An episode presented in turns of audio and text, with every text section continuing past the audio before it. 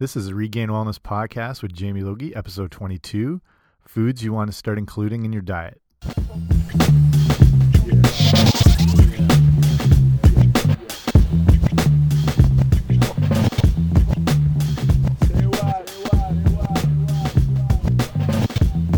What's up, guys? Welcome back to the podcast. This is episode 22, and we're talking about a bunch of foods that you want to start including in your diet today. I got 12 good ones that are easy to start incorporating in. And just to start off, I'm Jamie. I run regainedwellness.com, which is a website devoted primarily to nutrition and getting your health and wellness back on track, include fitness, things like that. I'm a certified personal trainer, but also certified nutritional wellness specialist. And I've just seen a lot more benefits from overhauling your diet. And exercise is important, but if your diet is not on track or on point, it's going to make everything else extremely difficult. And I've had the opportunity to travel around the world, and I've seen the damage that can happen when different societies and cultures adopt a modern diet. And I want to encourage you here to be avoiding that and getting back to eating real whole foods in their natural state. So I also want to thank you for listening. I appreciate everyone who takes the time to listen what I have to say. And I know there's a lot of podcasts out there. So the fact you're taking your time means a lot. So wherever you are right now, if you're driving, biking, hang gliding, bungee jumping, I go wherever you go. That's the beauty of this whole thing. Fit right in your pocket. Very nice. So I'm going to jump right into it today and I'm going to go through a bunch of these foods that I really think you need to be including in your diet. Also, why you want to be including them as well. And the first thing I'll start off, not a food, and I've covered this a bit before, but just to make sure everyone's on the right track, water is going to be the I think one of the first things you want to make sure is in check. And our bodies, most people are aware, roughly two thirds water, and roughly two thirds of that is found in our muscles. And water is involved in keeping the balance of your body fluids. It's these fluids are important for digestion, absorption, circulation, creation of saliva, transport of nutrients, balance of your body temperature. Simply, we can't live without water, obviously.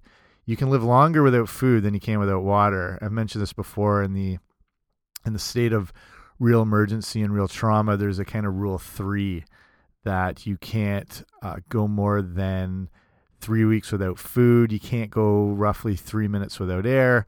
And without water, you've got about three days, which is why when they are looking for lost people or search and rescue missions, if the person has been gone for more than three days and they know they're not with any supplies or whatever, that's usually the point where they actually stop looking for you know people in a living state and it, it almost becomes uh, like a body recovery thing because of that fact of how hard it is to survive without water so depending on where you are, this you you might have access to water, but in those extreme um, rescue operation type things, depending on the climate and the environment, the three days kind of that cutoff, and it becomes more of a um, a body fine, which is kind of grim, but just the way we are so dependent on water. It's water is also key in in cleansing and flushing toxins out of the body. It it helps maintain normal kidney and bowel function, helps your skin looking fresh and clean.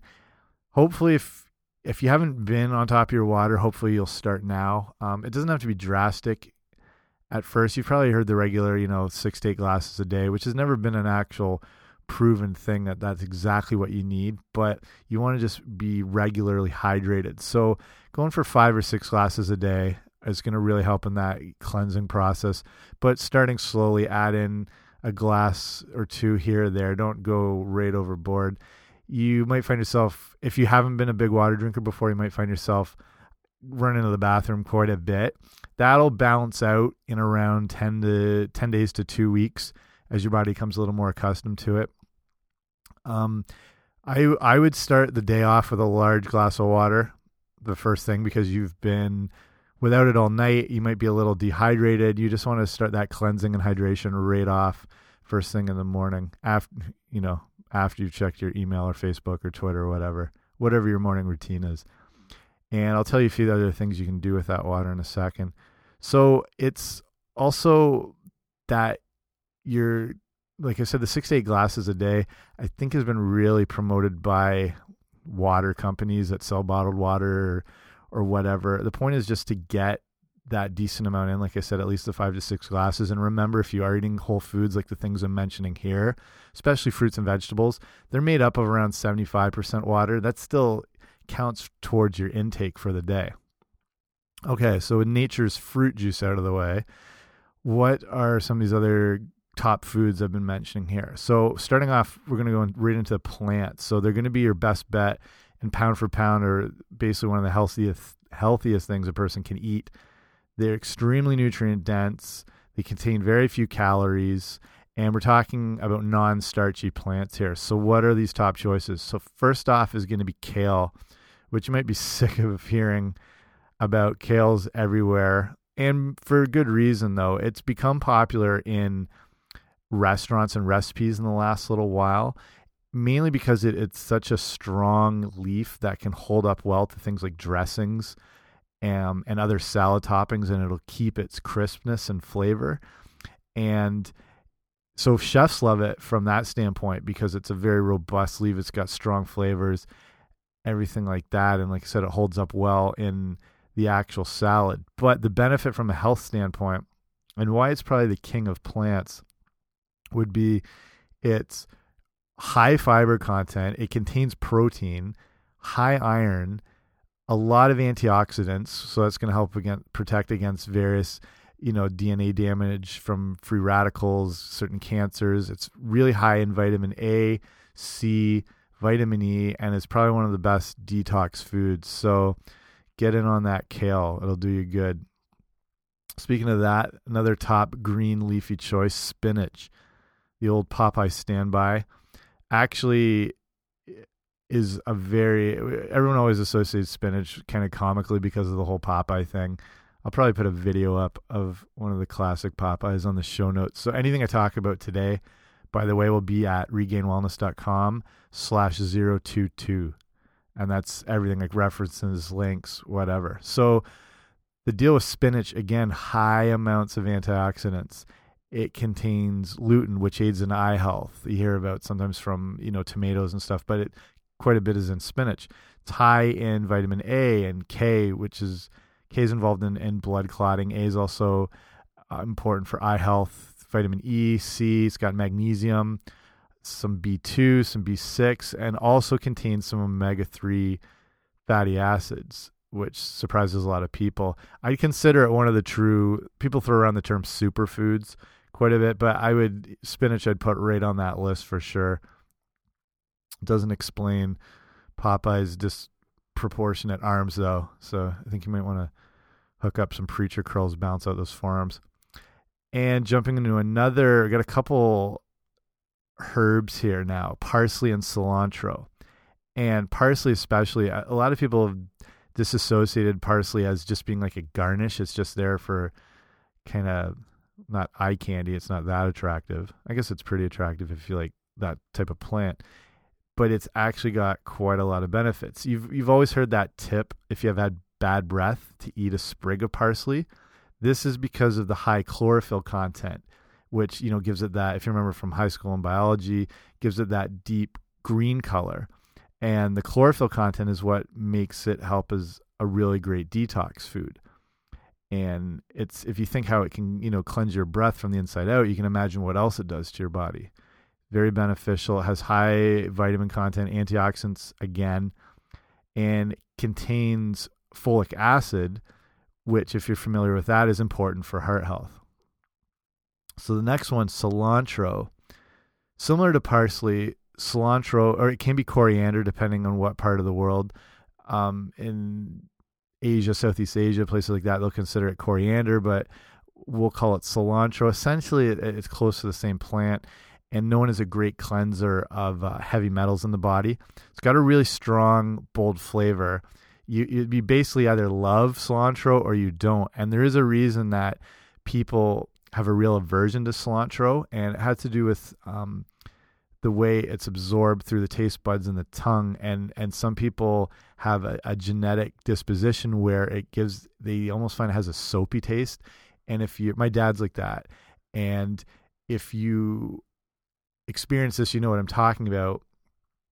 Um, I'll put a link to the actual breakdown of why this is. It's kind of a complicated thing, but if you find it interesting, I do. You might want to read a little further into it. And so, like I said, it, it helps in that cleansing of the heavy metals in the body, and it's got such a, a bold, sharp flavor that ancient Romans were known to use it to mask the smell of rotting meat, and that's how powerful those chemical compounds are that are in it. And again, like the other herbs and the other green leafy plants, very strong antioxidant content, and has actually been shown to have a blood sugar lowering effect, which is very interesting from a herb. So, moving out of the green leafy plant category, and we're jumping now into almonds. And might be, yeah, it might be the king of nuts when you learn how much is actually in this little power packed nut. It's packed with magnesium, vitamin E, iron, fiber, uh, riboflavin. There's calcium. Actually, if there's so much calcium in almonds, you you might be drinking almond milk or whatever. If you take a three quarter cup of almonds, it contains as much calcium as a glass of skim milk. And that's why it translates well into almond milk. So you can use in your coffee or tea or whatever if you have lactose issues or you just want to avoid dairy altogether, which in my opinion is a good move. Our modern dairy is very um, hormone antibiotic treated. It's uh, pasteurization process can lead to a lot of problems. It can lead to most if you listen to singers or artists or performers, they always talk about avoiding dairy because it makes them phlegmy and it just has this reaction in the body. So I'm not sure if I'm totally on board with dairy and just the fact that we are the only species that consumes dairy past two years of roughly the age of two in the animal kingdom, and we consume it from an entire other animal, which has always seemed bizarre to me. But if you've been wanting to get away from calcium in the form of of milk, whatever, almond milk makes a great choice because of this super high calcium content. There's a lot of uh, reviews also and research that point out points that almonds can help in maintaining healthy cholesterol levels due to that that high level of unsaturated fat that almonds um, contain. So awesome snack. Get them raw, obviously. If you really want to get the super best benefits from almonds or nuts or seeds, you want to soak them, ideally overnight, at least like 12 hours, and it, it allows them to be absorbed and digested a little better by the body, so it's not as as harsh on you. Jumping now, we got blueberries. So blueberries might be the king of all fruits. They're super high in fiber, antioxidants again, phytonutrients. These phytonutrients, they're not they're compounds that they aren't necessary to keep us alive, but they play a very key role in preventing disease and they really keep the body running normally. And that's the benefit with phytonutrients. The studies that uh, interesting from Harvard that pointed out that elderly people were less likely to suffer from cognitive decline from eating blueberries than those who were not.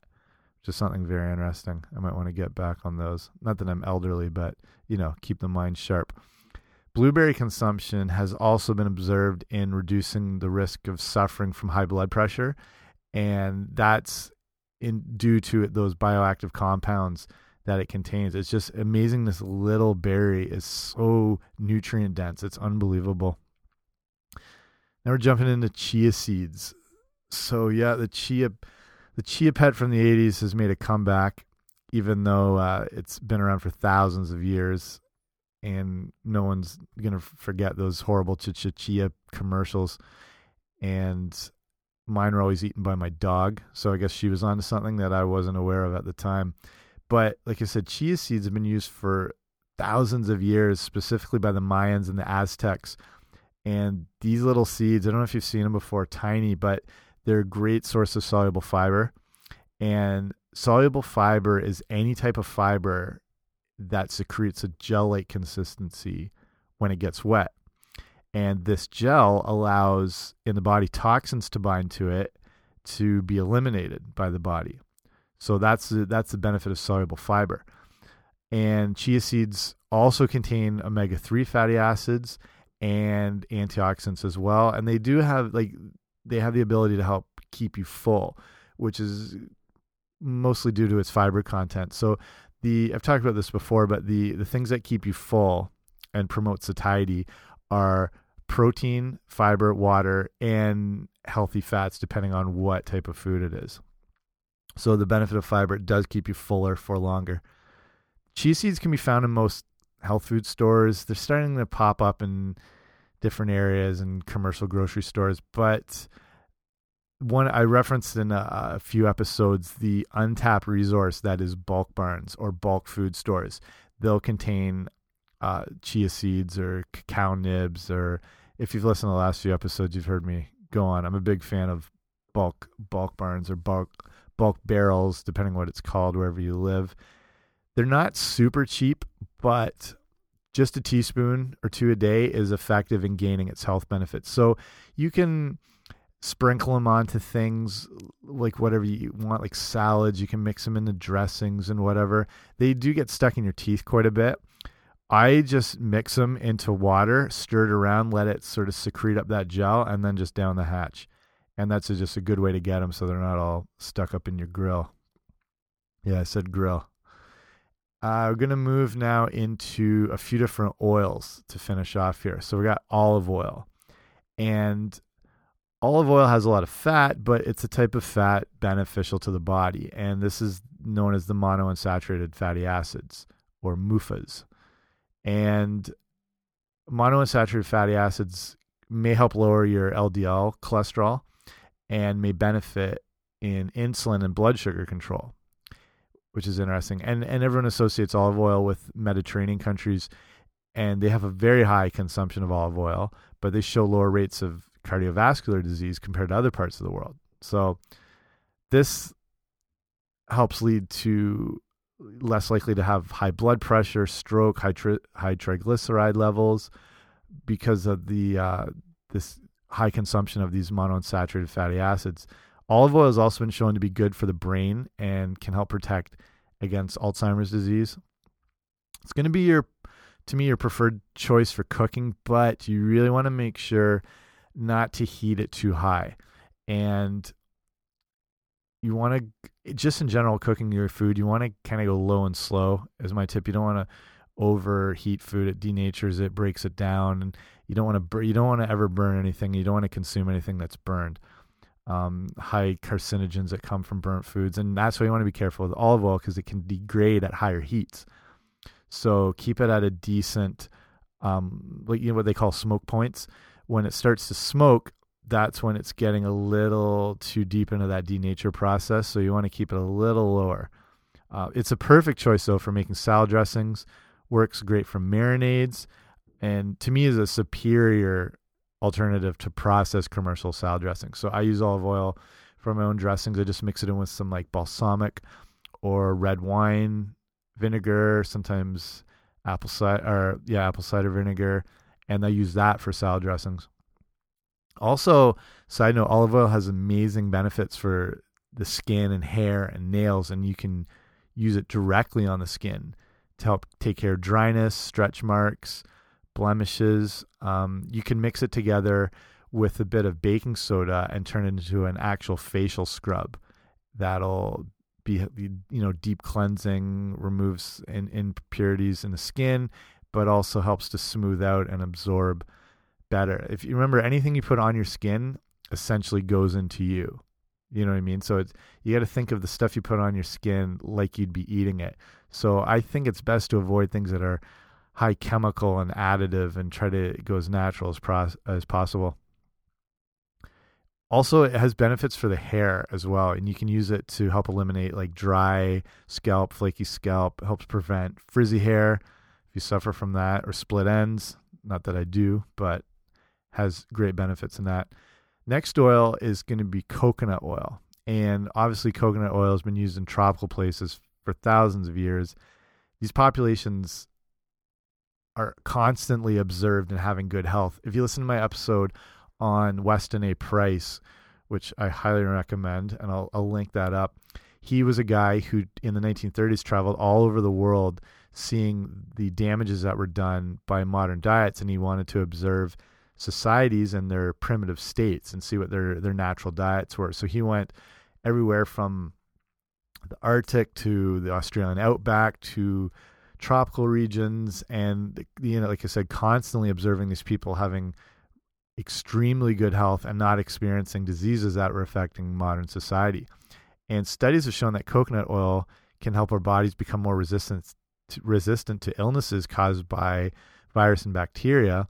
Also, has been shown to help the, to handle blood sugar and make better use of insulin. And coconut oil contains lauric acid, which is in the medium chain triglyceride categories, and that can help increase your good HDL cholesterol in the blood and can help improve cholesterol ratio levels overall. Those medium chain triglycerides are also broken down in the liver, leading to more efficient energy and can help assist in weight loss. Actually, it's going to be probably the best choice. As good as olive oil is, coconut oil is your ideal choice for baking and sauteing as it can handle very high heats.